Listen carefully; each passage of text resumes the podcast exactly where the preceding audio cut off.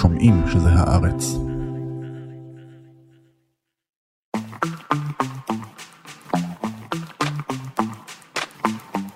אהלן, בטל בלן. הפתעת אותי. הפתעתי אותך. זה ממש ג'ינגל מעולה.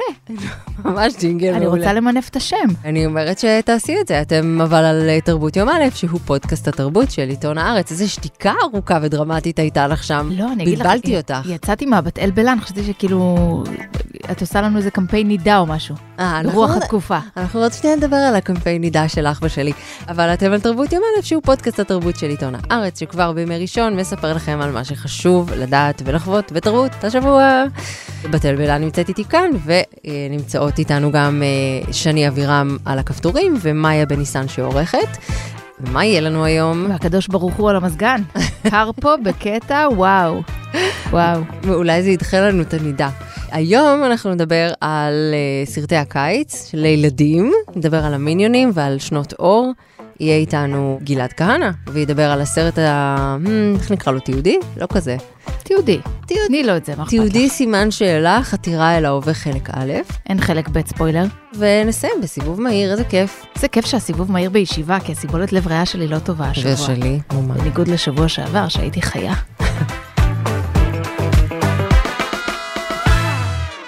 בתל, שבוע שעבר נתת לי איזה סקירה אקטואלית עם האייטם ההוא על הנשימה האחורית. אה, הבנתי שהיו הרבה תגובות, אגב. היו הרבה אנשים תגוב- ניסו את זה בבית. היו תגובות, אה, ניסיונות לנשום שהסתיימו בנפיחה. היה מקסים. וגם השבוע באת עם אה, איזה אייטם חדש ומעניין. הדור הבא כבר יהיה הרבה יותר מנוסה מאיתנו באדיבות אה, הקמפיין החדש לחינוך מיני החל מכיתה א'. אני, אני לא, לא בציניות, אני הורי, הידד. עברת על תוכנית הלימודים? מה אני אגיד לך, בתל? אני חושבת שכל מקום שרוצה להסיר ממני אחריות, ובעצמו לנרמל את כל הרעיון של uh, התבגרות מינית בגילאים קריטיים, של יחסי מין ובכלל יחס אל מין, אני בעד. קחו ממני את האחריות הזאת. אני, השיחה הייתה לי לא נעימה, ואת יודעת, אה, אני בוגרת הסדנה של אה, שלומית עברון, ואני יודעת שאני אמורה לדבר על זה באופן רציף, אבל בדיוק הייתי בנידה ולא יכולתי. אני בנידה, יש לי עומס. השאלה אבל באמת אם נכון להתחיל בכיתה א', כי תוכנית הלימודים זה כאילו א', אני וגופי, כל שנה יש את השנה המתאימה לה, אחר כך אני והשרת, אני ודדי ינקלה הפדופיל, את מבינה? כאילו צריך לבדוק. אני וגופי, את אה, התבלבלת. אני וגופי, למה הוא מתגופף בי, אוקיי. בקיצור, אנחנו בעד, נכון? אני חד בעד משמעית. לגמרי, כן. אני פשוט תהיתי, אפרופו השם בת אל, אם כבר זכיתי בכזו פנינה, למה לא למנף ולמה לא, שאני, שאני לא אקבל אה, קמפיין אה, נידה? אני חושבת שאת צריכה לקבל קמפיין נידה.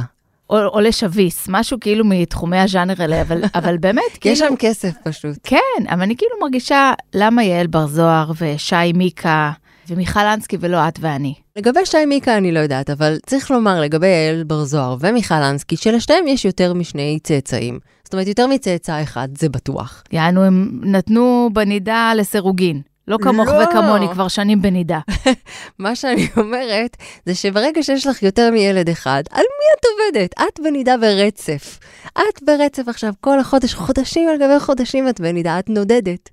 אין מין, על מה אתן מדברות? את יודעת שלפני שהתחתנתי, אמרו לי שיש אה, רב ספציפי מאזור מסוים בארץ, לא חשוב שמות כפר יונה, שהוא לא מבקש אה, אישור מקווה. Hmm. אז אני ניגשתי אליו ואמרתי לו, וואו, אני חייבת שתחתן אותנו, שמענו שאתה פרפורמר אדיר וזה וזה וזה וזה וזה. ואז ביום של החופה הוא ביקש ממני אישור למקווה. דפק אותי ממש. ומה עשית? הסברתי לו שהייתי בים, שקר, אשכנזייה, אז לא טוב לי, אני יכולה לקבל מלנומה, לא טוב לי ללכת באוגוסט לים, אבל אה, לא הייתי אף פעם במקווה, את היית? ברור שהייתי. באמת? מה, הייתי. לפני החתונה או כל חודש? איך את אוהבת? אני פשוט, מכיוון שאני, כמו שאמרתי, בנידה ברצף, אני לא זקוקה מרוב קדושה. אבל uh, לפני החתונה הלכתי, ובאמת שהיה מזעזע. והיית כאילו במקווה של פעם כזה או מקווה ספא? הייתי במקווה ספא ברחוב בר כוכבא בתל אביב, שזה כזה מקווה שנראה באמת כמו ספא, ואז את נכנסת וטובלת, והיא אומרת לך, כשר. ואת יוצאת ואת כזה, מה עכשיו? עוד פעם. אבל היא בדקה לך מתחת לציפורניים ובפופיק, באמת עושים את זה? לא, לא הייתי, לא זכור לי משהו כזה. אולי היא הסתכלה בציפורניים שלי איזה רגע או משהו כזה, אבל זה היה בגדול, לא בא לי אותך, אישה זרה שאינני מכירה, שתסתכלי עליי, כאילו, ושתגידי לי שהשיער שלי צף על פני המים. אוקיי, ככה שיער עושה כשהוא במקווה, מסתבר, הוא צף, אז כאילו... הייתי צריכה להחזיק אותו ולצלול, ואז לצאת, והיא צעקה לי, כשר. עם איזה מחלות חזרת, רציתי לדעת. אני די בטוחה שדלקת בדרכי השתן, אוקיי. שזה כזה יודעת. זה ה... ה- מגישים חמוציות ביציאה? איך שאת באה? חבילת הבסיס. קרנבריז, חבילת הבסיס כוללת, חמוציות וזיווה. לא יודעת, זו הייתה חוויה מאוד מוזרה. לימים אני יודעת לומר שכל הרעיון של להתחתן עם רב וכל זה לא לרוחי, אז כל עניין הנידה הזה, חבורת העגלות הריקות שקיבלו כסף בשביל להגיד שהן שומרות נידה, הוא כל כך מחריד, דוחה, וולגרי ומגעיל. כאילו, את רוצה לשמור נידה? בכיף שלך, שמרי נידה. למה את צריכה כאילו לקבל על זה כסף בשביל אה, ליצור מצג אמיתי או שלא אמיתי? לא יודעת. כל זה, יש לי מין רתיעת צמרמורת ובחילה גם יחד. שעשו לי הדרכת כלות בזמנו לפני שהתחתנתי, ואז אה, הרבנית הייתה מתקשרת לעשות לי פולו-אפ.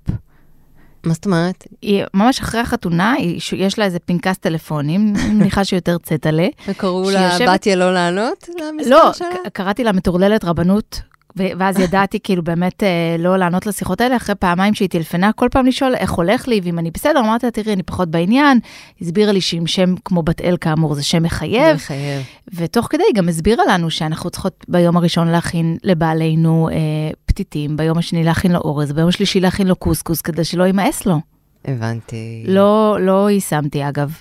Good night. Good night. Yes, yes, yes. Good night.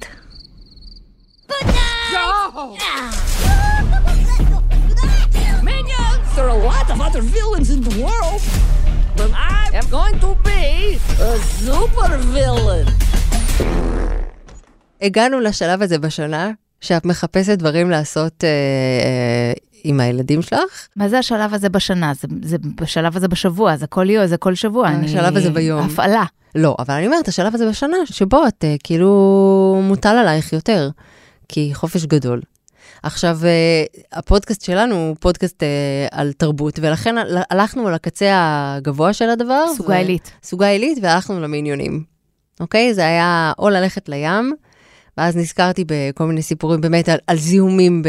לא, ומדוזות. ומדוזות וחול, אחר כך לא חוזרים. לחול, זו הליכה מאוד ארוכה. יום שישי יש עוזרת. אה, לחלקנו, חלקנו הייתה אצלנו פעם אחת ומאז לא חזרה. בלי לא להזכיר-. בלי להזכיר שמות. רצה מבוהלת. פרימה, בואי, פרימה, תחזרי.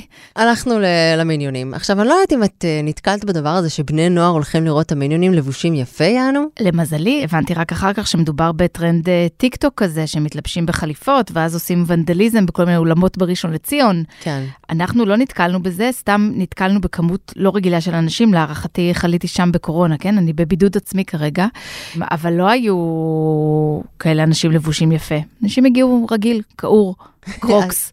גם אנחנו באנו לא לבושים יפה, והאולם היה לדעתי כזה שני שליש ריק. מה שאפשר לכולנו להתרכז עמוקות בעלילה הסבוכה של אה, המיניונים. עכשיו צריך להגיד, המיניונים זה אחד המותגים המקוריים המצליחים ביותר של, אה, מה זה, פיקסאר? דיסני? אילומיניישן הפקות, אילומינציה. זה האילומינטי עומדים מאחורי זה. אז זה אחד ה... את יודעת, היצורים המדברי אה, ג'יבריש בעגה אה, ספרדית. אני לא יכולה לשאת את זה אגב, זה מעצבן אותי נורא. אני יודעת שזה לא פופולרי להגיד וכולם עפים על זה, זה מעצבן אותי באופן לא רגיל ואני חושבת שהבנתי למה. למה? אני התחלתי ללמוד ליצנות רפואית, אני לא צוחקת, סיפור אמיתי. פשוט מאוד אוהבת רופאים, בתי חולים, מחלות, באופן כללי, רוצה להיות בסביבה הזו הרבה. ובאחד השיעורים אה, נתנו לנו תרגילים בג'יפריש, כאילו שאני או חנוך רוזן או ליאור חלפון ואבוקה פיפל, ואני פשוט, זה מעצבן אותי נורא. זה מעצבן נורא. ועוד בעגה מקסיקנית וכל מיני כאלה ספרדי, מאוד מטומטם. ממש. אני חייבת להגיד שכאילו, בעוד שהילדים שלי עפו על uh, המיניונים, אני עצבן אותי משהו אחר, וזה החנופה לסין. את בוודאי מכירה את הכתבות ואת התשומת לב התקשורתית שהייתה לה uh, קריצה, יותר מקריצה, של הוליווד לסין, בגלל שההכנסות מבתי קולנוע בסין הם כאילו במספרים אקספוננציאליים לעומת כל העולם. בואנה, אני לא ידעתי את זה. ולכן, פתאום בכל מיני uh, סרטים, בלי קשר לשום דבר, פתאום יהיה לך איזה מדען נורא חכם, אבל סיני. מה לא אבל, צריכה? סיני, שהוא פשוט במקרה נורא נורא חכם. היית מצפה שהוא יהיה יהודי בכלל. נכון, היית מצפה, אילו ישראל הייתה אימפריה של בתי קולנוע, אז כנראה שזה היה קורה, אבל כאילו, באמת יש כל מיני אה, פתאום אה, תמות ציניות שמופיעות בלי הקשר אה, לשום דבר. וגם כאן, יודעת, ההקשר הסיני הוא אמנם קיים, יש שם איזה תליון שמגיע מהמזרח, ויש שם איזה מאסטרית קונג פו שלפתע היא מגיעה בלי שום הקשר לשום דבר, ואז הם מין מתאמנים, המיניונים, ונהיים, אה, נגיד, אומני קונג פו, ואז באיזשהו שלב התליון מתעורר לחיים. יש שם סיפור שלם עם אה, סין, וכל העניין הזה תקתק לי כל הזמן בראש, לא, לא. אני לא מאמינה לסיפור הזה בגלל ההטייה הסינית. מעניין, לא חשבתי על זה. אז חשבת אני- איזה כיף? לא, פשוט לא נהניתי. לא נהניתי, קיללתי ורציתי ללכת לאכול המבורגר מול, למרות שיש לי מחשבות על טבעונות. אבל אגב, שמת לב שז'אן... מחשבות שווא, אל תבואו. מחשב... לא, כן, לכי תדעי מה יהיה. ראיתי שז'אן קלוד ואן ד- ז'- ז'אן קלוד ואן דאם וג'ולי אנדרוס זה בדיבוב, את שמת לב לזה? כי אני לא, לא, לא ידעתי. אנחנו ראינו את זה בעברית כמובן, כי הילדים אה, הם לא, לא... אנחנו בינלאומיים. הילדים לא. מבינים. אנחנו בינלאומיים, אז, אז מסתבר שהם אה, בדיבוב שם נותנים עבודה. לא יודעת, אני באמת לא קהל היעד, והילדים שלי אהבו את זה נורא, אבל uh, המיניונים, למרות השירי 70's מתקופתך. למרות שירי, איזה, זה, לא, זה דבר לא חברי לעשות. כי ידוע לכל שאני ילידת שנות ה-80. ומי ו-80 שלא פלוס, היה... לא סתם. לא, זה לא נכון, 80 אפס. אפס אפס. אבל ידוע לכל שאני ילידת שנות ה-80, ולהעליל עליי שאני נולדתי ב-70 זה פשוט אה, להוציא דיבתי רעה. סנטרופז בארון יש לך? לא. אוקיי, ניצחת. זה כי אני לא אדם סנטימנטלי. A year of work for a four minute flight. Isn't that something? We're all ready if you are, sir. well, let's go find out if this. We got a breach in the perimeter.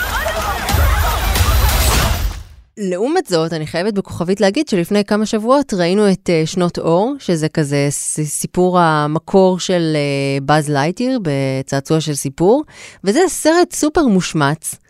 שזה לא מתקשר בכלל לזה, והוא נורא נורא תקין פוליטית, והוא לא הולם את רוח התקופה, זה כאילו הסרט שבו צפה ילד גיבור צעצוע של סיפור, ובגלל זה הייתה לו בובת באז לייטיר, וזה, לכ- ולכן זה לא סרט שיכול היה להתקיים בשנות ה-90, אז נוצר צעצוע של סיפור. אבל חברים, כסרט, סרט מעולה, נהניתי מכל רגע. הוא הזכיר לי ממש את... אה, אה, נו, אני רוצה להגיד אהבה בשחקים, כי זה השם הראשון שצץ לי בראש, אבל הוא ימקם אותי שוב בשנים שלא בא לי להגיד, ולכן אני אנקוב בשמו האמיתי שהוא מבריק. אז זה הזכיר לי מאוד את מבריק, שהוא כאילו גרסת ה... כמעט גרסת האנימציה של אה, הסרט ההוא.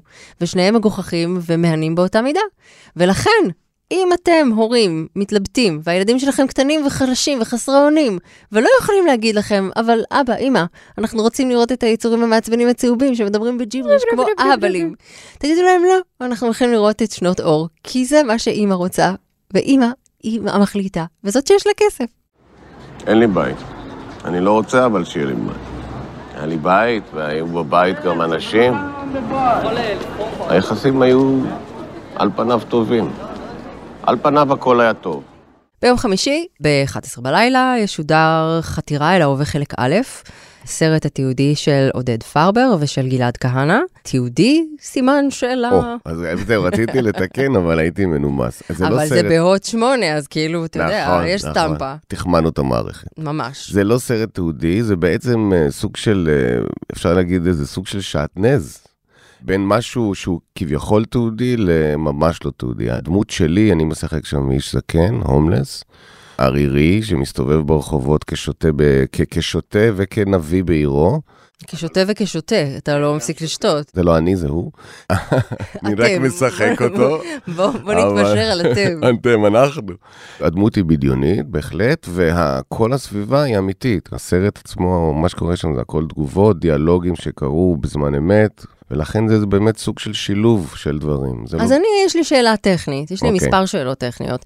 אחד, איך מכרתם את הסרט הזה לערוץ 8? שאלה מעולה. אז בוא נתחיל איתה. קודם כל, חתירה אל ההווה זה משהו שאני עושה בלי שום קשר, זה מעין דיסציפלינה יומיומית שלי, שבה אני מנסה באמת להגביר את הנוכחות שלי בהווה. עכשיו, מאחר ולהיות בהווה זה כאילו, את יודעת, אני לא בודה ואני לא הולך לשם, לא להערה, אלא הכוונה היא באמת להיות נוכח כמה שיותר בכל דבר שאתה עושה.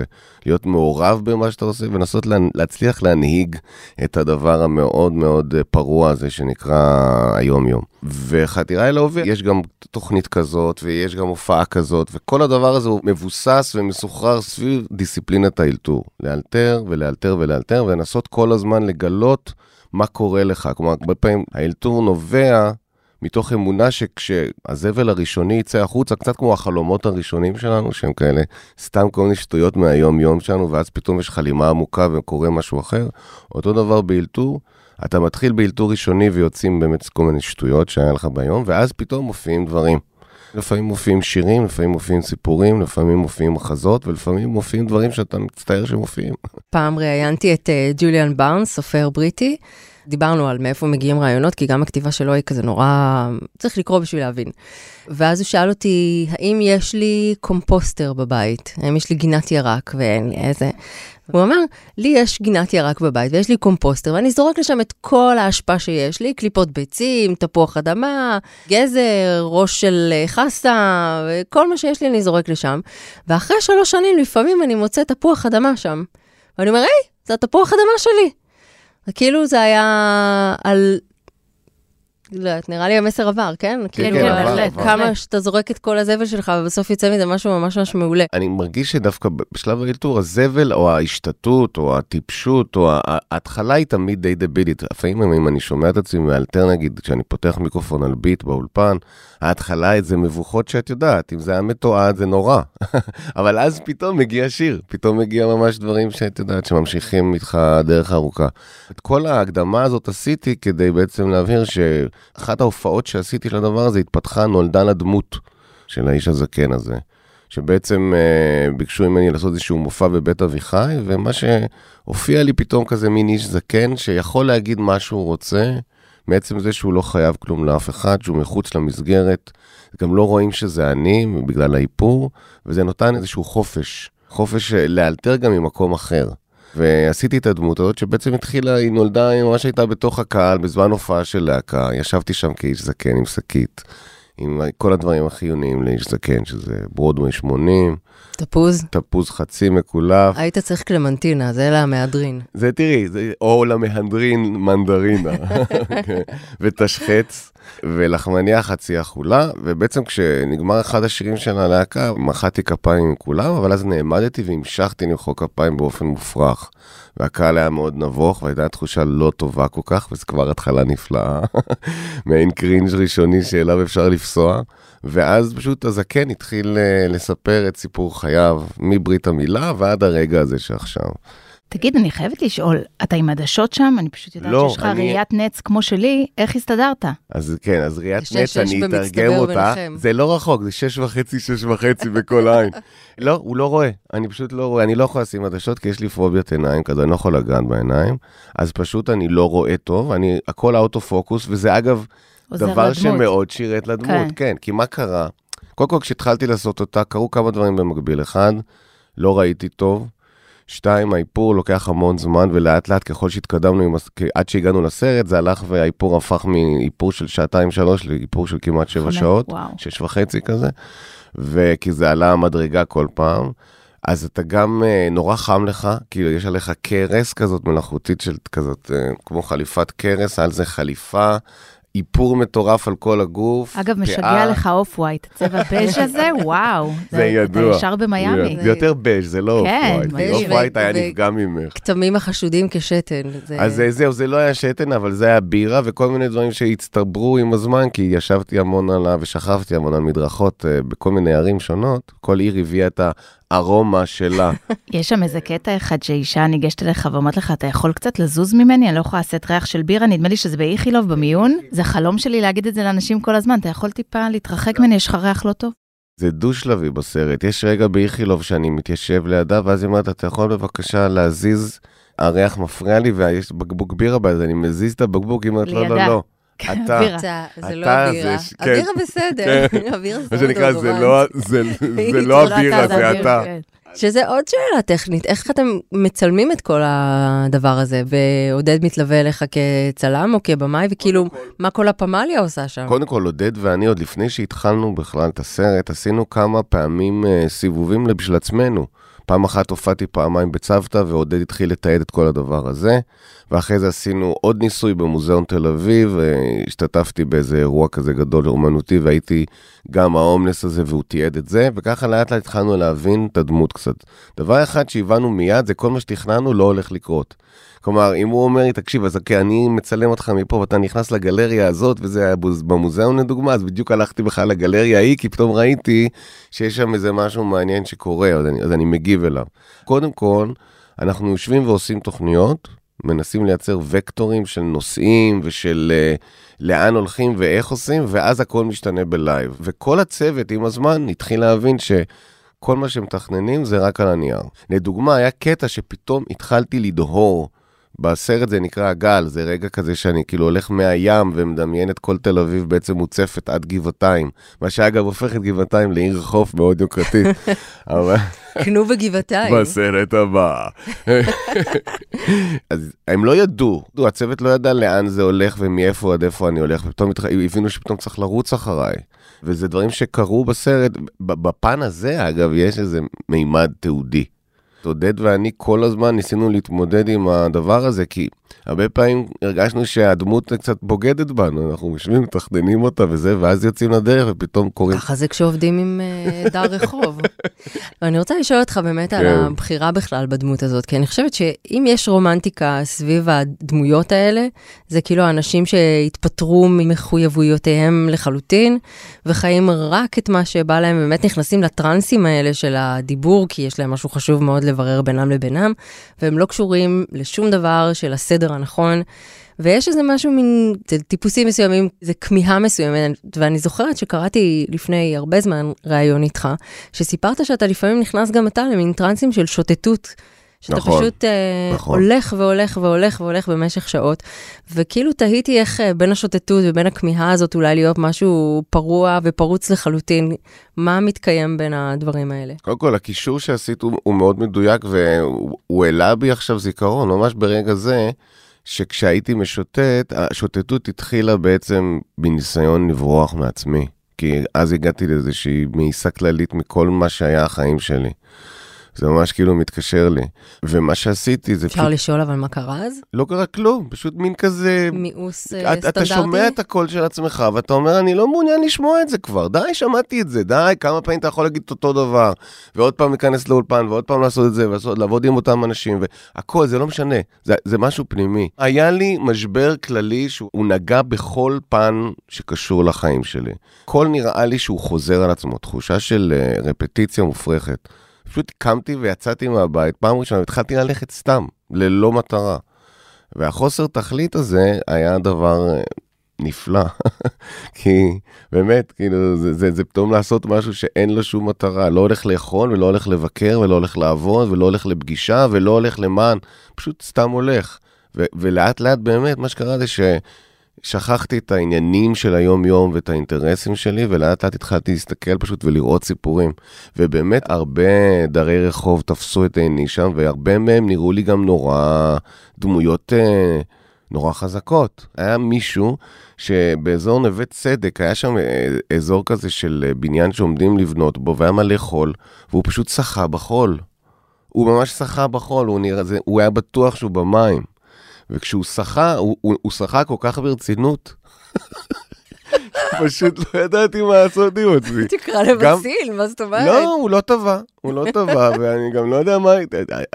הוא ידע מה הוא עושה, אבל אני אומר, הטוטליות הזאת, זה משהו שבהחלט מעורר מלא שאלות, וגם ישר גם אה, מגרה את הבלוטות של הדרמה. כלומר, אתה כאילו מאוד סקרן מה, מה קורה שם. איך היד שלך, אפרופו, זה סיפור משוגע. וואי, וואי, וואי. קודם כל, ככה זה נראה. שני ניתוחים אחר כך. אאוץ', אבל הצדקת יפה. תודה, תודה. עבדו מיטב המוחות, מיטב הידיים. בסרט בעצם יש קטע, באחד השיאים של הסרט, בעצם ממש ברגע שאני מגיע לאיזה שיא של שחרור, לא אגיד קתרזיס, אבל ממש רגע שבו אני מרגיש שה, שהכל קורה, ואז נכנסו בי אופניים במהירות מטורפת. שמה שאמרו גם אנשים שזה קרה באמת בלייב, זה צולם, וגם המשכתי לשחק, אז גם לא היה קאט. כלומר, קלטתי שקרה משהו נוראי, אבל מבחינת הסרט הוא משהו שחשוב וחיוני לסרט, כי גם מעניין, הרבה אנשים שהיו שם, כאילו, אחר כך כשדיברו איתי, אמרו לי, תקשיב, דרסו אותך רק בגלל שהיית האיש הזקן הזה. אף אחד לא רואה אותך בכלל. שקוף. זה, זה היינו, כן, זה היינו, כשהוא... כשאמרו לי את זה, זה ממש כזה, זה- פתאום קלטתי בעצם, נכון, זה, זה מה שקרה. פשוט הייתי באמת שקוף, והוא נכנס בי, והוא גם לא, גם לא היה אחרי זה שום דבר, הוא המשיך לנסוע וכולי. לא השאיר פרטים. זה היה רגע באמת ש, שבו הרגשתי שקוף. וגם האנשים שראו את זה אמרו, זה כל כך ברור שאתה כאילו לא חשוב. ואתה, מה שנקרא, אתה דריס. זה חיים, תגיד. אני פורח. אני בשיא שלי עכשיו. אני עובד 320 שעות כל חודש, 350 שעות, אתה מבין? גם פה, גם ב... פה שמונה שעות, גם ארבע שעות. עוד אה, במקום אחר. אני לא עובד בכלל. נו, איך זה? איך זה אתה חי, אה? לא חי, חי. קושי חי. פה. אני יושב פה. מרגיש את המזגן, נכנס ויוצא. כאילו אם יש רגעים של קרינג' בסרט והוא משופע בכאלה, זה אני חושבת באמת המקסימום של ה...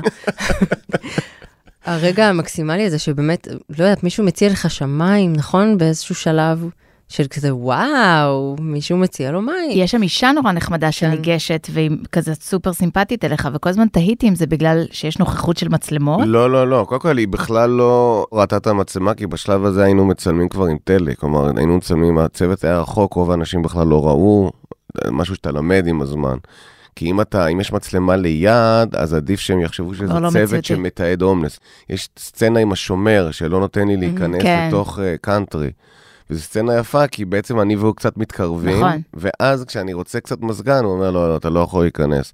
הוא ראה את המצלמה והוא פשוט חשב שמתעדים פה תופעה מהמם. חברתית אה, עצובה, ו- ולכן הוא התנהל כמו שהוא התנהל, הוא היה מאוד פתוח ומאוד... אבל עם הזמן התרחקנו, והאישה שדיברת עליה הייתה אישה נוצרייה, שניגשה אליי וניסתה להסביר לי ש... שהכל פתוח, הכל יהיה הולך, אין שום סיבה שלא הכל יהיה בסדר, והיא הייתה... מפה אתה רק יכול לעלות, נשמה. תקשיבו, אבל היא הייתה כל כך מרגשת, אני חושב שרואים את זה בסרט, אה, יש לי דמעות בעיניים. היא ממש ריגשה אותי עד דמעות, כי זה אחרי ששכבתי בכיכר אורדיה הרבה זמן על הרצפה, אף אחד לא ניגש. וכשהיא ניגשה, זה היה ממש רגע, היה ממש רגע, היא הייתה כל כך עדינה וכל כך טובת לב, זה פשוט, זה פשוט מציף אותך פתאום. אין מה לעשות, זה טבע אנושי. אתה אולי יותר מדי בן אדם. או פחות מדי, לא יודע. אולי עשיתי טעויות שלא. גם אם עשית טעויות, זה לא עושה אותך פחות מדי בן אדם. את לא יודעת איזה טעויות, אבל יש טעויות ויש טעויות. אני נוצריה, קשה לשכנע אותי שיש טעויות שהן יותר מדי. הכל אפשר לסלוח. תודה לך. שיהיה לך יום טוב. כבר יש לנו יום טוב. כמה פעמים אה, במהלך הפרויקט התקלחת, חברה שואלת? לא אני. לא, לא, ברור. חברה לא, אחרת. לא, לא, אנחנו לא חברות. אני, מהמתקלחים, כן, אז אה, כן. אבל בוא נגיד שכשאתה חוזר, מקלחת אונס כזאת, לא? זה עם קרצופים. זה מקלחת קשוחה, זה. מקלחת קשוחה, כן. אבל זה לא רק הלכלוך, חברות, זה גם האיפור. האיפור הוא כזה. קשוח. זה שש וחצי עד שבע שעות לשים אותו, ואיזה שעה וחצי עד שעתיים להוריד אותו. כי זה הכל סיליקונים עם דבקים ובתוך העיניים. יומיים אחרי זה אני רואה שיש לי בתוך העין איזה משהו מוזר, מה זה החתיכת עור? אה, זה סיליקון. שניתן קרדיט לליאת שיינין הגאונה. ליאת שיינין המאפרת המופלאה, שהיא היא לא רק גאונה, היא גם נשמה טהורה, ובאיזשהו מקום אה, היא ליוותה את כל הפרויקט הזה ממש צמוד. כלומר, כשצילמנו זה כל הזמן היה תיקונים, כי אתה עושה צילומים ב-40 מעלות חום לפעמים, והדברים מתחילים להתקלף. אתה מתחיל, פתאום יש לך מחלת עור שצריך מהר לטפל בה, כי היא לא בתסריט. צרעת כזה, אתה נפרד מאיברים. אז כשאתה מגיע בסוף לאיכילוב עם היד השבורה שלך, יוצא לך שם איזה מונולוג על כאבים ומכאובים, ואני זוכרת, כתבתי לעצמי כמה טעויות אני עשיתי, עשיתי אז כואב לך. שברתי את כל האיברים של כל האנשים שאהבתי. נכון, כי לאיש הזה בעצם מה שקרה זה שעם הזמן, ככל שחלפו ימי הצילום והעבודה עליו, וגם... נהייתה לו ביוגרפיה. כן, עכשיו גם מי שמכיר את זה, קודם כל זו דמות שהתחילה לבד, ללא שום כוונה לסרט ולתיעוד, אז היא גדלה וגדלה, ואז פתאום, לדוגמה, נוספה לה צליעה. פתאום התחלתי לצלוע, ואחרי שהייתי מוריד את האיפור, היה לוקח לי איזה יום להיפטר מהצליעה המגוחכת הזאת. וגם יש לו ילדה. כן, נכון, יש לו גם ילדה. ובעצם לאט לאט נוצר סיפור שהתווסף עם כל מיני רגעים וסיפורים ומונולוגים. שנולדו, ונהיה לו בקסטורי. וכשהגענו לסרט כבר היה לי עליו המון מידע שצברתי. אני כן יכול לומר שעד היום אינני יודע את שמו. זה כמו בסיפור שלנו נגמר, אתה חייב להגיד אותו עכשיו, אחרת הוא ימות ויתפוגג לנו. יחזקאל. יחזקאל זה היה השם שעלה לי בראש, שזה בכלל קשור לזקן אחר שכתבתי עליו, ואיכשהו יש שם הצלבות ביניהם, ואני אומר, אוקיי, לא יודע, לא יודע, לא בטוח, לא יודע. אבל כשעבדנו על הדמות, זה מעולם לא היה לה שם. אני שואלת כי רציתי לעשות את המעבר הזול הזה ולהגיד שכל מיני דברים שקורים לו וכל מיני דברים שהוא אומר על החיים שלו וכל מיני מונולוגים שהוא אומר, אחד, נורא מהדהדים את הדברים שאתה אומר בהופעות כשאתה נכנס לטראנס הזה של... אה, נכון. של הדברים שאתה נכון. אומר בין שיר לשיר והקהל עומד המום ולא מבין מאיפה זה יוצא.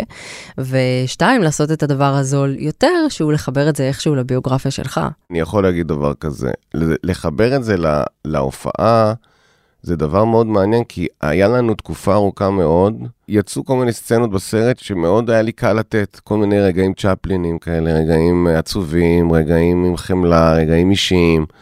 בניתי את הסיפור האישי שם בזמן אמת, כאילו, כל פעם הבאתי עוד איזה רעיון, ואז בדקנו אותו וזה, אבל עודד כל הזמן אמר לי, תגיד, אבל איפה ההוא מג'ירפות שצועק? ו- הנביא. והנביא, כן, כי השם המקורי של הסרט היה הנביא, הורדנו את השם הזה, אבל זה היה בשלבים הראשונים. הוא אומר, איפה הנביא הזה? איפה הנביא שמופיע גם בהופעות של ג'ירפות וגם בהופעה שיש לי חתירה אל ההווה, שזה כל העניין. ואמרתי לו, אני לא יודע, הוא לא, הוא בינתיים לא מגיע, אני לא יכול לזמן אותו סתם. כי כשהייתי ברחוב והייתי באיפור ובחליפה ובקרס ובסבל ובחום עם השקית והסיגריה שאני כבר לא מעשן ועדיין מעשן וזה גועל נפש ואני מרגיש שכואב לי הכל. ו... אז היה לנו ממש משבר. כלומר, היינו במשבר סרט של אין את הנביא, איפה הנביא? היכן הוא? ואז אמרתי לו, אחי, הפעם המאה שהוא פשוט נוזף בי קשות, אתה לא מבין, אין סרט בלי זה, אין סרט בלי זה, ואנחנו כזה מבולבלים, באמת הסרט כזה עומד על כרי תרנגולת, ואנחנו לא יודעים מה זה, אני אומר לו, תשמע, עודד, אבל אתה יודע, את כל הדברים האלה שאתה רוצה שאני אעשה, אני עושה עם מוזיקה. ואז פתאום היה כזה רגע, נפל אסימון ענק. הבנו שבעצם כדי שהנביא יגיע גם לסרט, צריך מוזיקה. אני האשמתי את הבירה. אה, לא, בירה זה שטויות, מה זה גזוז. הבירה היא, היא סוג של קארט uh, בלאנץ', היא נותנת לי את האפשרות להגיד מה שאני רוצה. תראו, אני שותה בירה. זה לא, זה עם בירה, זה בלי בירה, זה לא רלוונטי. באולפן אין בירה. אבל uh, לשם העניין, מה שקרה זה שהבנו שחייבים מוזיקה. ואז לקחנו אוזניות אינדוקטיביות, שמנו בתוך האוזניים אוזניות שאף אחד לא יכול לראות, אלחוטיות. בניתי סט של ארבע שעות של מוזיקה מכל מיני חברים פרודיוסרים, וגם אני הכנתי קצת כל מוזיקה אינסטרומנטלית, אלקטרונית מכל מיני סוגים, שמים play, ואז פתאום הנביא קרה. כלומר, קרו המונולוגים החוצבים והדברים היותר חזקים, ובאיזשהו מקום, אה, ברגע ש, שעשינו את זה פעם ראשונה, ואחרי חמש דקות היה ברור גם לי וגם לעודד שפיצחנו את הסרט, ומפה אנחנו smooth sailing, אז נכנסו באופניים.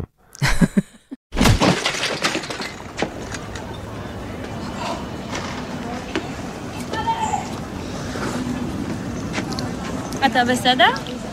להביא לך כוס מים? אני עולה השמיימה, ואז השמש ממיסה לי את הכנפיים. ואתה גם עם אוזניות, אז אתה לא שומע בכלל. לא שומע. לא, לא רואה. וואו. וגם בסוג של, אה, עוד פעם, חתירה, זה העניין הוא שאתה, כשאתה מביא את הטקסט, אז אתה חייב להיות לגמרי בתוכו, אתה לא יכול עכשיו לחשוב על דברים. זה לא למידה של טקסט, זה לנסות לכתוב אותו בזמן אמת. אגב, למה קראתם לזה חלק א' מבלי שיש חלק ב'? למה הטיזינג הזה? קודם כל, אה, את לא יודעת מה יש. אם יש חלק ב', אולי יש גם ג', אולי יש ד'. אמרת שאין ב' וג', אל. תעבוד עלינו סתם. תראי, מה זה אמרת, לא אמרת? חלק א' הוא חלק מהשם, הוא לא באמת חלק א', אבל אני, אני חושב שמסתתר בזה התחושה שאחרי הדבר הזה יקרה עוד משהו. לא ברור עוד מה. השאיפה היא ש... לא יודע, שאולי זה יעורר משהו בצופה. בוא נקווה. זה מסתיים בסצנה המטורפת שאתה רוקד בבית אבות, נכון? נכון. זה הזכיר לי שעשיתי פעם אה, סדרת כתבות בדיור מוגן, עברתי בין כל הדיורים המוגנים בארץ, והייתי צריכה ככה למצוא את הטוב ביותר, והרגשתי כל כך מתאימה, אני ממש בגיל השלישי, אני כאילו ממש בשלה כבר לגור שם. אני פעם הלכתי לעשות אה, stalking לסבתא של סשה ברון כהן, אוקיי. שגרה בכזה נווה עשירים בבת ים, ולא נתנו לי לפגוש אותה. את יודעת שאני היה- פגשתי אותו? באמת? כן. זה קצת עלי ג'י מה שאתה עושה בסרט. כן, העצוב. כן, זה בוראט עצוב. יש דמיון בהקשר של, אה, כן, של להיות שתול. אבל אני חושב שנגיד הבית אבות זה דוגמה, יש סצנה בסרט שיש, שנפתחת בבית אבות, וזה בעצם מסתיים גם בבית אבות. וזה היה יום צילום קשה ברמות, הייתי כל כך עצוב שם. כי אין לך שום כוונה לעשות פה משהו שהוא ציני. אפילו אירוניה לא חלפה לי בראש. מה שחלף לי בראש זה שזה setting מושלם, להתחיל ממנו, כאילו עודד ואני ידענו שהבית אבות הזה זה יהיה מקום מצוין להתחיל ממנו, אולי לסיים בו, אבל הוא בטוח מקום שאנחנו צריכים לשהות בו כדי שיהיה מקום ראשוני לצאת ממנו. ובסרט הוא כאילו בורח מבית אבות, ובסוף אנחנו רואים אותו חזרה שם, למי שעוד לא ראה, וזה רובם. והיום צילום הזה היה יום נורא נורא קשה, כי אתה שם ולאט לאט, עוד פעם, גם אני לא רואה. וגם אני מתחיל כזה, אני מסתכל נגיד, יש שם את ההרקדה הזאת Mhm. שעושים להם. הרקדת. הכתפיים. סנופי כן, דיסקו. סנופי דיסקו. זה באמת היה רגע מכונן בשבילי. אני יצאתי משם כאילו במין, זה הדהד לי ההפעלה הפיזית הזאת של האנשים האלה שהם לא מבין מה הם, הם לא יודעים מה, הם, מה רוצים מהם, ופשוט תקועים שם. זה גם לא בית אבות מפונפן, בדרך כלל נותנים לך לצלם רק את המפונפנים, שהם כולם במצב פיזי מאוד מאוד טוב, אין הליכונים בפריים, זה כזה, יש רק אה, כמו סבתא של בר רפאלי, שהיא מלכת היופי של הדיור המוגן, תמיד מראים את המאוד מאוד יפים. ופה זה כזה, זה בית אבות רגיל. זה בית אבות רגיל, ויש משהו בלשבת שם הרבה זמן, וזה זה ממש השפיע עליי. ממש יצאתי משם שבור. קשה להסביר את זה. גם כי אני לא שחקן מקצועי, אז בסופו של דבר כשאני משחק אני די נשאב לתוך הדבר הזה, ואין לי, לי כלים כל כך להגן על עצמי. רק אחרי שראיתי מה יצא, הבנתי שאוקיי, אנחנו בטוב, כי הרגשתי כל כך, כאילו לא, הייתי הם גם מנותק מסתכלים עליך מהמטרה והם שלי. כזה לא לגמרי מבינים. רובם בכלל לא הבחינו בי, כי, כי, כי רק, רק המצלמה זה מה שהיה להם מוזר. תמיד בבית אבות יש אה, מחסור בגברים, גברים, יש הרבה כן. יותר נשים, אז השאלה, לא עטו עליך פרגיות? אני לא חשתי תראי, הוא לא היה שעטו. כזה לא אטרקטיבי. אטרקטיבי. אתה יכול לזוז קצת עם הריח של הבירה? נורא נורא מסריח. טיפה, כן, טיפה. אגב, בהקשר הזה גם, אני חייב להגיד, אפילו שזה נשמע משהו למיטיבי לכת, אבל נגיד הצילום שעשתה עינב גיאת, שהזכרתי קודם, היה אישו שכל הזמן התעסקנו בו. איך לצלם את הדבר הזה, כן להיות קרוב אליו, לא להיות קרוב אליו, זה גם נורא מקשה על הצלם. כי במקרה שלנו צלמת, כי זה מגביל אותה נורא. ועברנו עם זה מלא מלא דברים, וכל יום צילום זה היה כזה מין מסע גם, גם בנושא הזה. בסרט הרגשתי כזה כאוס. לא, אתם גם צריכים לבקש אה, רל- רליסים מכל מיני אנשים. אתם מצלמים באיכילוב, אתם מצלמים בלי לטשטש פנים של אנשים. באיכילוב הלכנו כמובן עם הדובר, והכל נעשה כמו שצריך, אבל זה לא האישו המרכזי. האישו המרכזי זה שכשאתה נמצא בתוך מקום, אני מרגיש שבחלק מהמקומות הרגשתי שאני, שאני חווה יותר מדי. בבית אבות הרגשתי שאני, מה, לא הבנתי למה הייתי כל כך מוצף. הייתי ממש מוצף. זה מדבר לחרדות הכי רציניים שלנו, לא? כאילו, אתה אני לא לא רוצה... זה עד אותו רגע, לא חשבתי על בית אבות. ואגב, לא למה אין בית אמהות? אני בטוח שאגב, אם יהיה בית אמהות, הוא עכשיו יהיה מושקע יותר. אומרים בית הורים. כן? זה זה הקיבוץ, אה, בית זה הורים. ה- זה ה-PC של זה? כן. אבל אני רוצה לדבר על עוד משהו, אוקיי. וזה באמת העמדה הזאת של הנביא שותה, והנביא רוקנרול שיוצא ממך בהופעות, ולהגיד שלעשות את זה ואז להביא את זה לסרט, יש בזה משהו שהוא כמעט נרקסיסטי. מאיזה בחינה? מהבחינה של לשמוע את עצמך מדבר ומדבר ומדבר ומדבר ומביא את uh, עולמך הפנימי או ההקשרים האסוציאטיביים שלך מול המצלמה. וגם לשאול אותך על המקום הזה, כאילו, מה הדחף לעשות את זה? אני חושב שמזמן כבר אני לא רואה ביצירה עבודה שהיא רק של היוצר.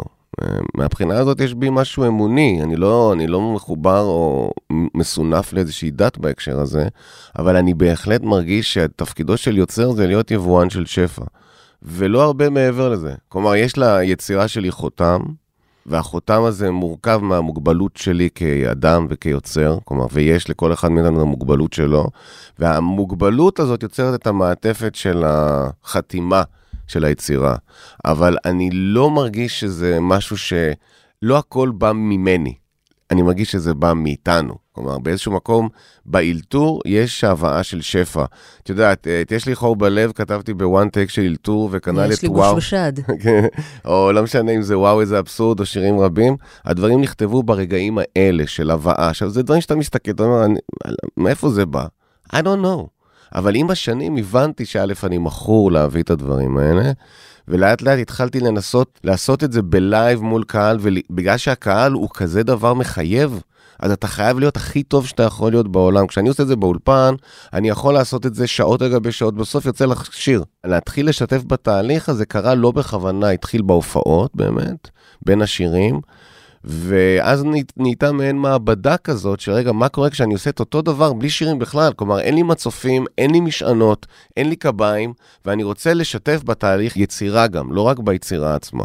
השיתוף בתהליך יצירה יצר טריגר חמור של uh, שיפור. כלומר, אתה לא יכול עכשיו לחרטט, אתה חייב להתחיל גבוה ולה, ולהסלים. אז כשאת אומרת נרקסיזם, אני חושב שאת שופטת את זה ככה בגלל שאת חושבת שהכל בא מהיוצר. אני לא חושב שהכל בא מהיוצר, אני חושב שזה איזשהו שפע. שפע, קראי לו קולקטיבי, קראי, קראי לו השראה, קראי לו מה שאת רוצה, אבל ההזנקה של הדבר הזה צריכה לבוא מבאמת להאמין בזה שזה יכול לקרות. עכשיו, בחתירה אל ההווה, הסרט, אז, אז בסופו של דבר את רואה רק את ה-best of the best. כמות המונולוגים על רצפת העריכה זה אלוהים ישמור, אפשר לבנות מגדל בבל רק מהמונולוגים שאם נערים את המילים אחת על השנייה. זה באמת הרצון לשתף ברגע היצירה של הדבר, לא רק בדיעבד. וזה משהו ש, שגם עודד וגם אני מאוד מאוד, אה, מאוד מכווננים אליו. תגיד, הבנות צפו בסרט? הבנות שלך? עדיין לא, ואני לא יודע אם אני אתן להם לצפות בו בשלב הזה, כי הוא סרט עצוב. היה איזה יום שהם הגיעו לא בכוונה הביתה בזמן שאיפרו אותי. ופתחתי להם את הדלת בתור הזקן. וזו הייתה תגובה מאוד מאוד קשה. מרגיע. אחת נורא נורא בכתה, ואחת נורא נורא הייתה בהלם. ואמרתי להם, זה אני, זה אני, בקול שלי וכולי, וזה לא... זה שזה מדהים, לא... אגב, הניגוד בין החיצוניות שלך והקול שלך, שהוא לחלוטין הקול שלך. כן, ואת זה אני לא יכול להסתיר. אתה יכול גם... לדבר ככה. אני יכול לדבר גם ככה, שלום. אבל זה, זה לא... בבקשה, כן. לא רצית. אבל לא, אני לא יכול אה, ככה באמת לאפשר לעצמי להיות חופשי, אבל היה רגע מאוד קשה. הם נורא נורא, כאילו, אחת נורא נורא בכתה, הבכורה שלי נורא, ממש נבהלה. ממש נבהלה מהדמות הזו, ובאיזשהו שלב, כשהסתיים היום צילום הזה, ביקשתי לצלם את כל תהליך הורדת האיפור, וכזה ערכתי לה מזה סרטון כדי שהיא תראה איך אבא חוזר, כאילו איך אני חוזר מה... חוזר בזמן. להיות צעיר. חוזר כן. להיות צעיר, רק תראה את התהליך, וכאילו שיהיה איזשהו משהו כזה, ש... שיש לו איזה נגיד אה, באמת אה, מסלול, שרואים את זה קורה, הפוך. איך אבא חוזר להיות אבא שלי. זה כמו הקליפ הזה, איי, איי, איי, כזה חזרה אחורה. תמיד היה נורא מפחיד. זה היה להיט גדול. אתם עובדים עכשיו על אלבום חדש לג'ירפות, נכון? נכון, נכון, בהחלט. ספר לנו תופנים מחדר החזרות. גם ג'ירפות עובדים על אלבום חדש, וגם יוצא עכשיו אלבום חדש, אבל של גיא מוזס ושלי, שזה בחור שאנחנו עובדים יחד, ויוצא עוד רגע ממש אלבום חדש שלנו. אז uh, ככה רק מעדכן. אני כותבת ביומני. גם ג'ירפות, אנחנו עמוק ב- בעבודה על אלבום, והאמת, זה נורא נורא כיף, ממש ממש אנחנו עפים כרגע. אז מתי הולך לקרות כל דבר? אלבום עם גיא מוזס יצא בסביבות uh, סוף יולי-אוגוסט, ואחרי זה נתחיל uh, לשחרר, את uh, יודעת, uh, דברים מג'ירפות. יאללה. כן, כן, לגמרי, לגמרי. גלעד כהנא, תודה שבאת. תודה לכן, היה ממש בכיף. תודה. Écoute, tu vas jamais me croire. J'ai fait Gabriel, ici à Abu Dhabi, dans un bar de la Sunset Tower. Qu'est-ce que tu racontes Arrête. Claire, il est mort. סיבוב מהיר. יש! הגענו לסיבוב המהיר. לא מאמינה שלא עשינו נאמבר עם גלעד כהנא, מוזר שהוא לא הזמין אותנו כזמרות רקע, לא? אה, אני חושבת שאחרי שהוא העיר לי בעדינות, יש לי בוגר באף, אני חושבת שביטלתי את האפשרות הזאת. It takes one to know one. מבוגר אל בוגר. שלוף לי, אשלוף לך. אה, לא אשלוף לך, צר לי. אבל אה, אוקיי, סיבוב מהיר, בואי נתחיל במיראז'. את אה, אילצת אותי לראות את הדרמת אה, מתח הצרפתית-קנדית, ורציתי לשאול איך תפצי אותי על השעה האבודה שיכולתי לישון בה. תראי, יש לומר בכנות, שמדובר בשבוע די שחון השבוע. לא קורים דברים מאוד מסעירים כרגע. ומה שקורה, עוד, לא, עוד אין לנו גישה אליו, אוקיי? אז שבוע הבא אני מקווה שיהיה יותר טוב, אבל השבוע הזה אנחנו נדבר על מיראז', כן, כי זה מה יש. העלילה של אה, מיראז' נפתחת אה, בקרבי שבתאילנד, ואז נזכרתי שהייתי פעם בקרבי. גם אני. וגיליתי שיש ילדה בשם קרבי, שההורים שלה פשוט עשו אותה בקרבי, ולכן קראו לה על שם האי. ולאף אחת לא קוראים פתח תקווה. בדיוק. אבל מצער. העניין הוא גם, אם חשבתם על שם כמו קרבי, היא לא יכולה ללכת בעולם עכשיו יקראו לה קרבי כהן או קרבי פינטו, זה נשמע לא טוב, תחשבו לפני, חבר'ה. בקרבי, אני לא אשכח את זה, גם uh, חוויתי סופה טרופית uh, של uh, שבוע, אני חושבת. ש... ממש כמו פה? אה, פה זה היה צונאמי. צונאמי, כמו זה- שיש ליד כיכר רבין, השלטים של הצונאמי, שאת כן. אומרת כזה, טוב, אני אלך לפוקס בגן העיר, אני אסתתר. שם למרכז עיניו. כן. אז הייתי בקרבי ופשוט ירד מלא גשם, אז שוטטנו על החוף ונכנסנו למין אה, מערה בסלע, ושם היה מקדש המיועד לאיבר המין הזכרי. איזה יופי. והיו שם, אני חושבת, מאות בולבולים בגדלים שונים, ממש די. מגודל הצימוק והגפרור ועד אה, טוטם ענק, אה, אשכים והכול. פתאום קרבי נראה לי יעד הרבה יותר אטרקטיבי, אני פתאום ממש לא זה זכרתי שום דבר מסביר את כזה. השם של הילדה, לכי תדעי מה הלך שם לפני. קרבי פינטו כאמור. קרבי פינטו, שיהיה לך אה, הרבה מזל ממש, והצלחה. ו- בקיצור, העלילה מתחילה בקרבי, ובצונאמי, שם נעלם אה, גבריאל, שהוא... אני חושבת השיחה שלנו מעניינת יותר מההסבר של... ה- הרבה יותר. אה, גבריאל נעלם, גבריאל הוא אה, בעלה של אה, קלר, גיבורת סיפורנו, הוא נעלם 15 שנה, קבוציו עבדו, והיא בינתיים עב- עברה עוד איזה טראומה איומה, כשאיזה פרויקט גדול בעבודה שלה, לגמרי במקרה היא עובדת באבטחת מידע בכורים אטומיים. אז היה איזה... עבודה שגרתית סך הכל. סך הכל. עניין של שגרה. היה אסון נוראי בכור שהיא הייתה אחראית לו בקזחסטן. ו- בגדול היא איוב, לא? ממש קרו לה דברים איומים. אבל איזה כיף, 15 שנה עברו, הופ. יש לה משרה חדשה באבו דאבי, שזה אומר כאילו מישהו פה מסתובב עם תקציב הפקה נחמד, והיא מתחילה עכשיו מחדש את חייה באבו דאבי, יש לה בעל חדש, הילד שלה כבר... לוקאס. אה, חתיך. כן, הוא, חת... הוא אה, גבנץ כזה. כן? לא כן. חיבבת? הוא לא אוהב את הטיפוס, הוא מאוד גבנצי. אני, מה שכאילו הטריד אותי זה איך עברו 15 שנה ואף אחד לא השתנה. חוץ מהילד, כן? אבל קלר נראית בדיוק אותו דבר. אבל כאילו השיער שלה קליין... קצר. אה, בסדר, אבל חמודה, מה עם הפייס? ויזאז'. לא, תראי, השיער שלה קצר, זה מספיק טוב. אז היה לה שיער ארוך כי היא הייתה צעירה, ועכשיו יש לה לא שיער קצר יודעת. כי היא אישה בת 40 ו... טיפה, משהו, תמתחי, אני לא יודעת. מתחה. מתחה, מתחה, מתלבשת לא טוב. לא טוב. והנה היא שם, באבו דאבי, אשר אה, במזרח אה, התיכון, פתאום צץ מחדש אה, גייבריאל, והפעם קוראים לו פיליפ. וכשהיא יוצאת למסע להבין מה, מאיפה הוא הגיע ומה קורה וזה, מסתבר שגם ההיעלמות שלו וגם האסון שהגיע אחריו, וגם דברים נוספים שקורים לה עכשיו בחיים, הכל קשור לאותו דבר, וכמובן שמדובר בקנוניה אדירה, ו, ו, ו, ו, ו, ו, אממה. ראית רק את פרק 2, והנה, הבנת הכל, את לא צריכה להמשיך. אחד, הפוך, ראיתי, הייתי צריכה להגיע לסוף פרק 2 בשביל להבין על מה אנחנו מדברים, כי כאילו שני פרקים הרגו אותנו, באמת, סחבו אותנו במדבר באבו דאבי, באמת, מה קורה פה? מה קורה, מי נגד מי, מי זה כל האנשים האלה? למה הם כאן? לא הבנתי שום דבר. ואז את מגיעה לסוף פרק 2, את מבינה הכל, ויצא לך החשק. ממש יצא החשק. נמאס. אז אני רוצה להודות לך על זה שאילצת אותי לצפות ביופי הזה. יכולתי לקרוא ספר בזמן הזה, את יודעת? יכולת, יש אנשים אבל לא שקוראים קראת. ספרים. אבל כן ראית סרט, נכון. תיעודי. Our country itself is sick. That it's lost its sense of direction. even its common decency. You don't so much as wiggle a finger.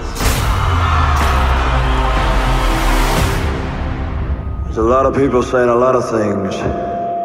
But in the end, you gotta listen to yourself. צפיתי באלוויס, שלא לומר הייתי אה, בממפיס שעתיים וחצי, אוקיי? שעתיים וחצי, וקראתי ראיון עם הבמאי, שבדיוק סיפר שהסרט המקורי, כלומר יש ארבע שעות ארוחות, אה. אוקיי? ואז הוא הבין שאולי מבחינה... מבחינה מסחרית, הם לא הצליחו ארבע שעות, אז קיצרו רק לשעתיים וחצי. זה כאילו להודות חייו של אלוויס בז בזמן אמת. לא? כן, כן, כי הוא מת בגיל 42 כזה, אבל uh, כמה אפשר שעתיים וחצי? לא היה לך טוב אלוויס שעתיים לא, וחצי? דווקא נהניתי, אני חייבת להגיד שקודם כל הייתי במטיני, הייתי במטיני והייתי בטוחה שאני אהיה לבד באולם. האולם היה מפוצץ, אף אחד לא עובד בגדול, חוץ ממך וממני, שתדעי.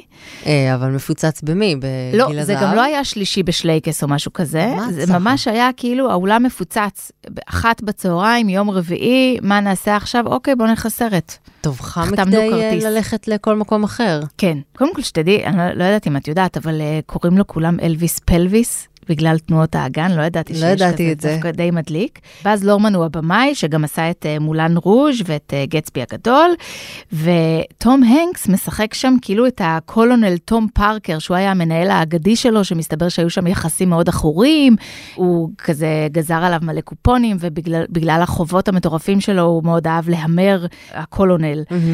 אז היו חובות איומים, ואלוויס לא יכול היה לצאת מתחומי ארצות הברית, והוא היה מאוד מבואס מזה.